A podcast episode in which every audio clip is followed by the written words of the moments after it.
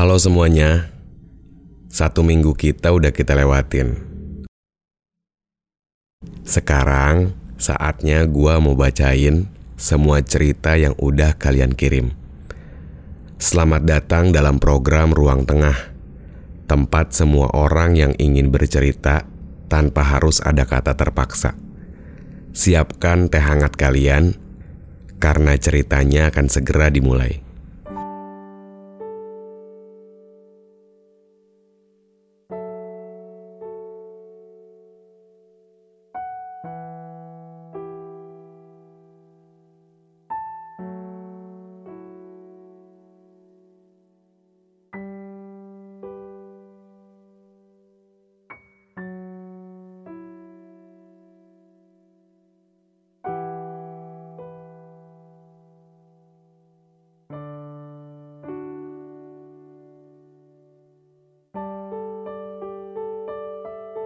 Assalamualaikum Bang Fajar.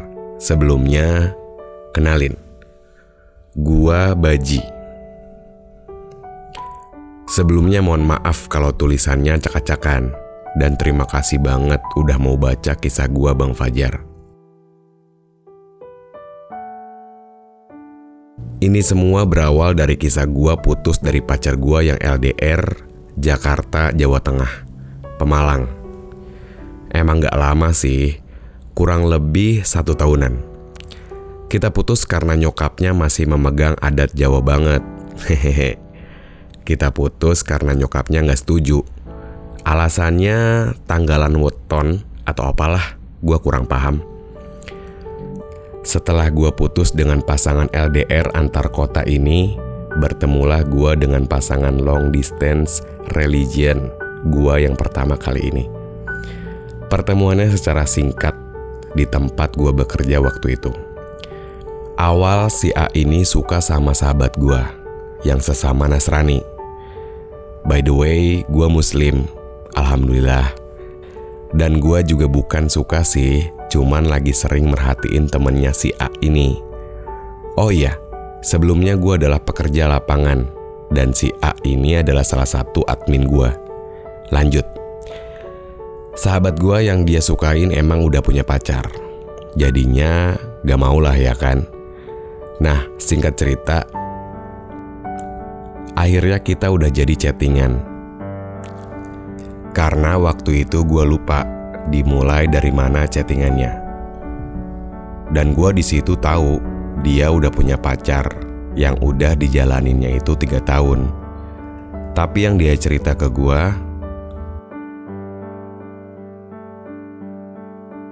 dia tidak bahagia menjalaninya karena si cowoknya ini susah banget buat untuk mau kenalan ke orang tua si A ini.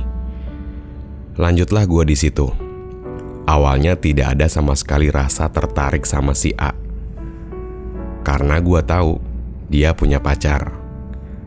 Dan gue tahu dia tidak seagama sama gue. Seiring waktu berjalan, beberapa kali gue antar jemput dia karena kita satu kerjaan dan gua orangnya nggak enakan.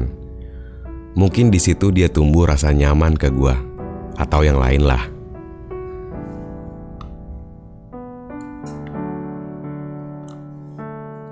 Singkat, udahlah akhirnya dia putus dengan pacarnya dan deket sama gua. Sampai akhirnya kita jadian. Dia nembak gua via line pas gua lagi nonton bola langsung di stadion. Seiring waktu berjalan, kurang dari dua tahun gue ngejalanin sama dia. Gak ada sama sekali ribut besar, sampai yang gimana-gimana.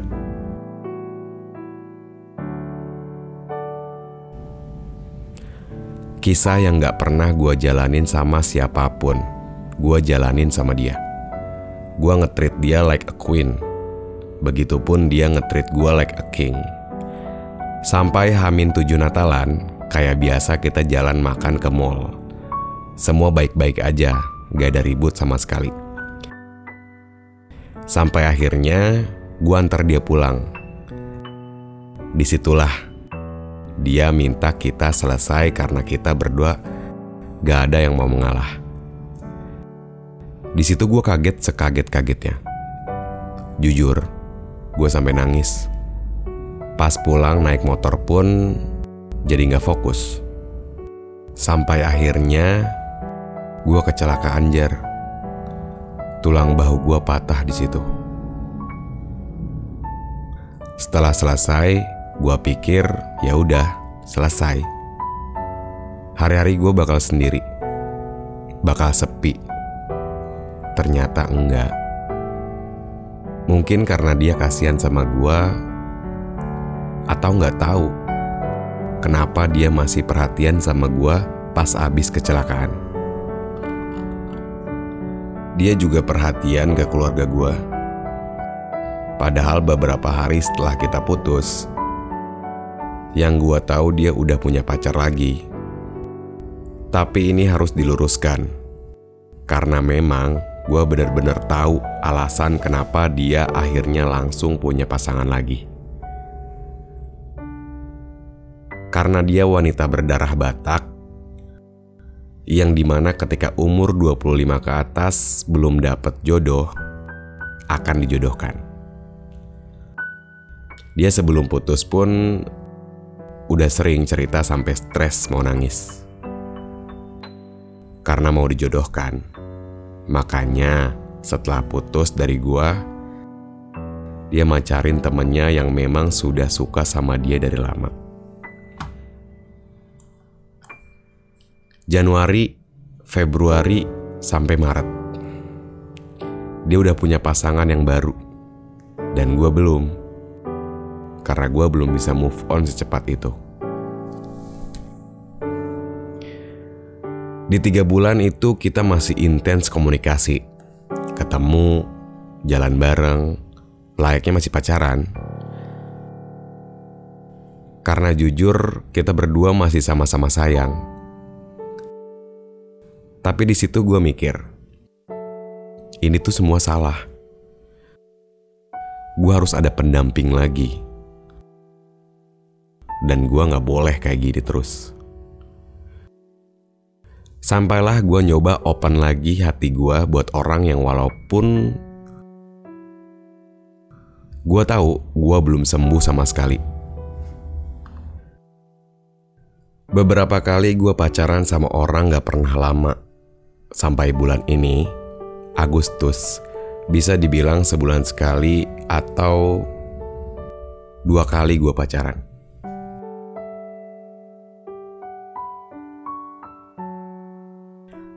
Karena satu, gue belum move on, dan dua, gue mau punya pasangan yang kayak dia lagi.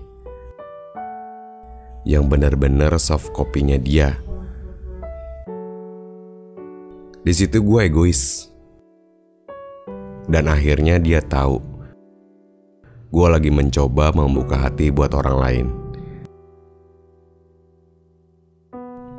Dia marah jar Mungkin karena dia memang masih sayang sama gue. Sampai akhirnya dia ngeblok semua komunikasi gue. Mulai dari WhatsApp, Instagram, sampai nomor pribadi kayaknya diblok semua. Gue sedih, tapi gue harus melangkah. Gua mikir, ya sudahlah ya. Mungkin memang udah sampai sini titiknya. Balik lagi. Gua tiap bulan waktu itu bisa satu atau dua kali ganti pasangan. Sampai sekitar bulan Juli, seingat gue, gue kenalan sama si N. BTW, dia orang yang ekonominya di atas banget lah ya dari gue. Bokapnya salah satu petinggi di salah satu perusahaan. Dan dia sendiri di salah satu perusahaan yang cukup tinggi.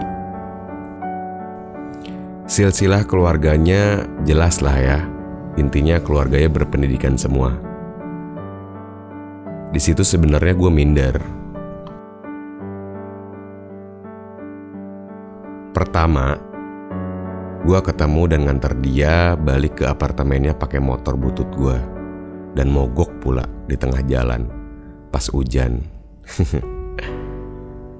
Singkat cerita, gue jadian sama dia. Walaupun dia tahu, gue dari keluarga yang benar-benar biasa aja. Malah boleh dibilang keluarga yang jauh di bawah dia. Gue sama dia ngejalanin kurang lebih satu bulan. Karena ternyata dia toksik banget. Dia punya trust issue yang berlebih. Jadi ketika gue mau ke mana-mana, gue harus share live location. Sebelum berangkat, kirim foto. Dan sampai rumah, harus foto juga. Balas WhatsApp lama, langsung di spam. Gak betah lah ya, gue sama dia. Sampai akhirnya, gue nemu circle baru yang gue ketemu sama dua sahabat gue. Si J dan si M. Awalnya main bareng, gue curhat sama mereka berdua soal gue sama si N. Tentang kisah gue yang menurut gue ini toksik. Kita akhirnya intens ngobrol dan ada satu momen gue pikir si J ini bercanda. Karena dia bilang, Udahlah, lo selingkuh aja sih sama gue. Gue pikir bercanda. Tapi ya sudahlah, gue coba.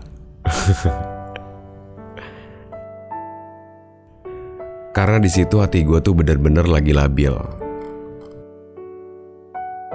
Gue pun gak tahu maunya gue itu apa. Deket gue sama si J, sering teleponan sampai sleep call sama si J. Jadi di situ gue pacaran sama si N dan gue deket juga sama si J. Gue senang sama si J karena dia sering ngasih lihat kalau dia bisa masak. Di situ gue makin punya ketertarikan lebih. Karena si A pun bisa masak. Gue senang sama cewek yang bisa masak. Ditambah pula si J ini suaranya enak. Karena dia penyanyi gereja, makanya enak. Hehe. Ada satu waktu, akhirnya si J ini mau cuma dia satu-satunya di malam itu. Dia mau gue mutusin si N di menit itu juga. Gue yang gak biasa ninggalin orang gitu aja. Gue gak mau. Di situ akhirnya si J marah sama gue sampai dia ngeblokir semua akses gue lagi sama seperti si A. Lakuin ke gue dulu.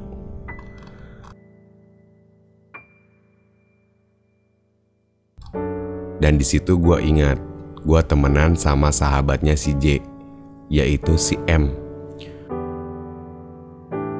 Gue minta tolong sampein ke si J, kalau gue butuh waktu buat mengakhiri sama si N. Tetap si J gak mau buka blokirannya di situ. Selang beberapa hari, akhirnya gue ketemu momen. Yang ini udah bener-bener gak beres udah bener-bener toksik sama si N. Gue putusin lah di situ. Dan gue minta sampein lagi dari si M buat ke si J kalau gue udah putus dari si N. Tapi si J di situ katanya lagi deket sama orang lagi. Ya udah, gue pikir di situ pupuslah harapan gue. Beberapa hari gue jadi sering cerita sama si M sekarang malah si M yang mengaku tertarik sama gue. Tapi awalnya di situ gue nggak punya perasaan apa-apa. Tapinya lagi, gue emang orang yang nggak bisa sendiri. Akhirnya pacaranlah gue sama si M. BTW si M ini lagi dinas di salah satu luar pulau Jawa. Dia salah satu dokter. Kita LDR. Gua dan si M ini pun terpaut umur 3 tahun lebih. Tuaan si M. Sekitar semingguan, gue ngejalanin sama si M LDR. Akhirnya si M ini ke Jakarta buat nemuin gue. Sedikit flashback, setelah kecelakaan kerjaan gue jadi acak-acakan karena gue kerja di salah satu perusahaan negara. Dan lagi mau tutup buku. Asli, semua kerjaan gue acak-acakan banget. Kena SP1 dan kebetulan salah satu atasan gue ada yang bermasalah. Yang impactnya pengurangan pegawai. Akhirnya kenalah gue PHK. Artinya, gue ketika pacaran sama si M ini, gue lagi gak ada kerjaan. Di situ gue bener-bener minder sama keadaan gue. Seminggu dia habiskan di Jakarta buat nungguin gue nemuin dia. Tapi gue memutuskan buat gak nemuin dia sama sekali. Tapi tetap komunikasi. Walaupun seminggu itu kita ribut terus. Gua dengan gengsinya dan dia dengan keinginannya tetap gua nemuin dia. Dan gak mau ada gengsi, dia mau nerima apa pun keadaan gua.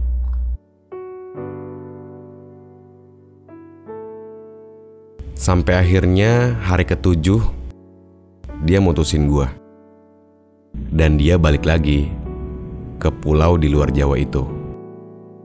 Kaget sekaget-kagetnya gua Tiba-tiba si J ngebuka semua blokiran gue dan ngechat gue nanya kabar. Sekitar tiga hari, dia tahu kalau gue udah putus sama sahabatnya.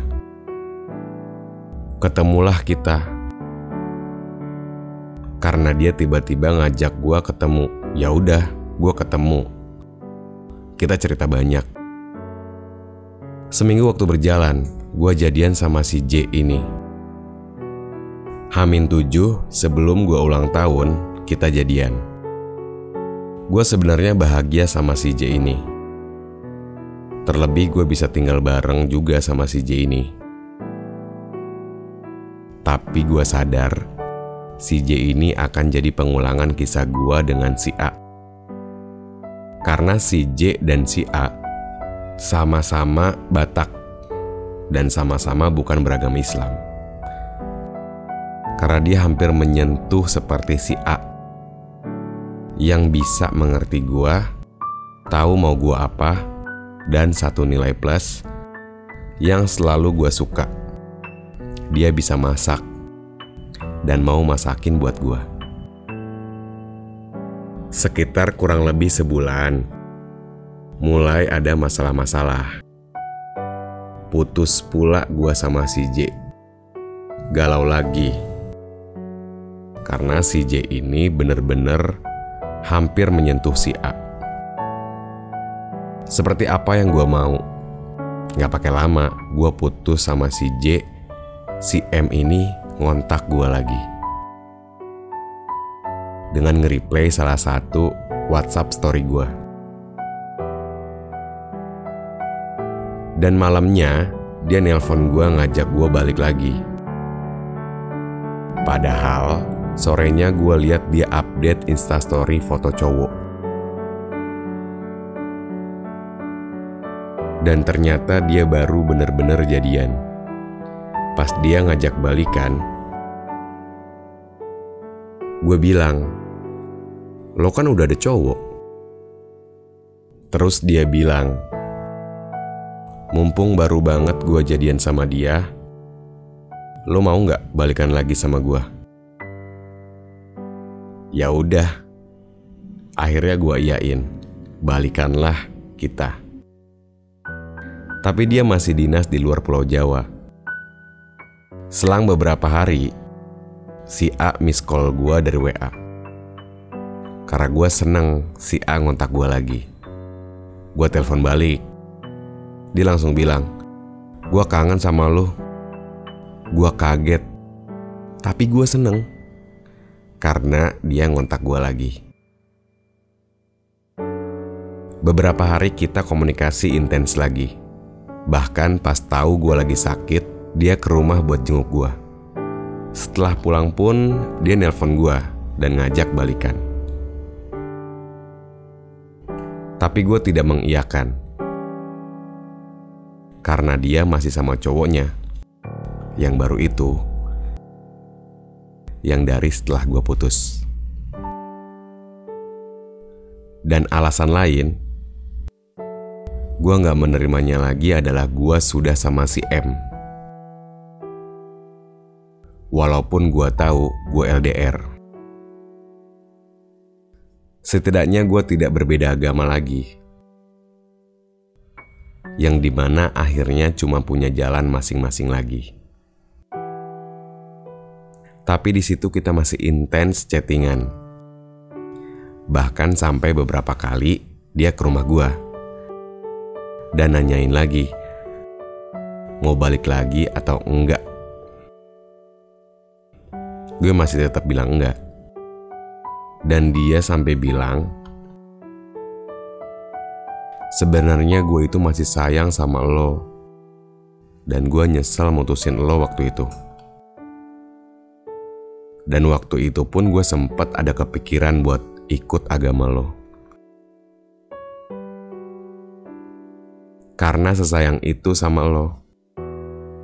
Tapi gue bilang gue gak mau lo berpindah keyakinan hanya karena gue, gue gak akan setuju. Kalau mau lo pindah keyakinan, itu karena lo benar-benar yakin dan lo mau mempelajarinya. Bukan hanya karena gue. Gue gak seworth it itu. Singkat cerita, artinya gue saat ini lagi menjalani dengan si M. Dan si A datang lagi ngajak balikan. Dan ditambah lagi, kerumitan gua karena si J. Ini pun kembali ngotak gua lagi bang. Sampai hari ini, gue masih dikelilingi tiga orang itu. Gue dengan si M, si A, dan si J datang lagi dengan rentang waktu yang berdekatan. BTW inisialnya bisa lo ubah lagi deh bang. Gue pakai inisial nama depan mereka karena gue takut ngacak atau lupa aja. Setahu gue si M dan si A juga suka ngedengerin lo. Karena dia ngikutin gue ngedengerin podcast lo di Spotify. Kalaupun akhirnya dia ngeh itu adalah mereka, ya sudahlah. Sebelumnya terima kasih karena udah mau bacain. Maaf ngerepotin tulisan gue acak-acakan. Dan gue kalau nulis emang harus sehari, kelar. Karena kalau enggak, nggak akan gue lanjut lagi. Kalau ada yang kurang jelas ceritanya, maafin ya Jar. Atau mungkin lo kurang mengerti. Terus kontak gue aja lewat DM. Terima kasih Fajar. Wassalamualaikum.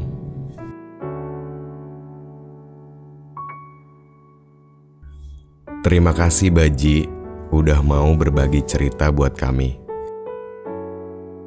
Sejujurnya, ceritanya ngebuat gua jadi naik turun emosinya. Gak tahu deh yang dengerin, emosi juga nggak?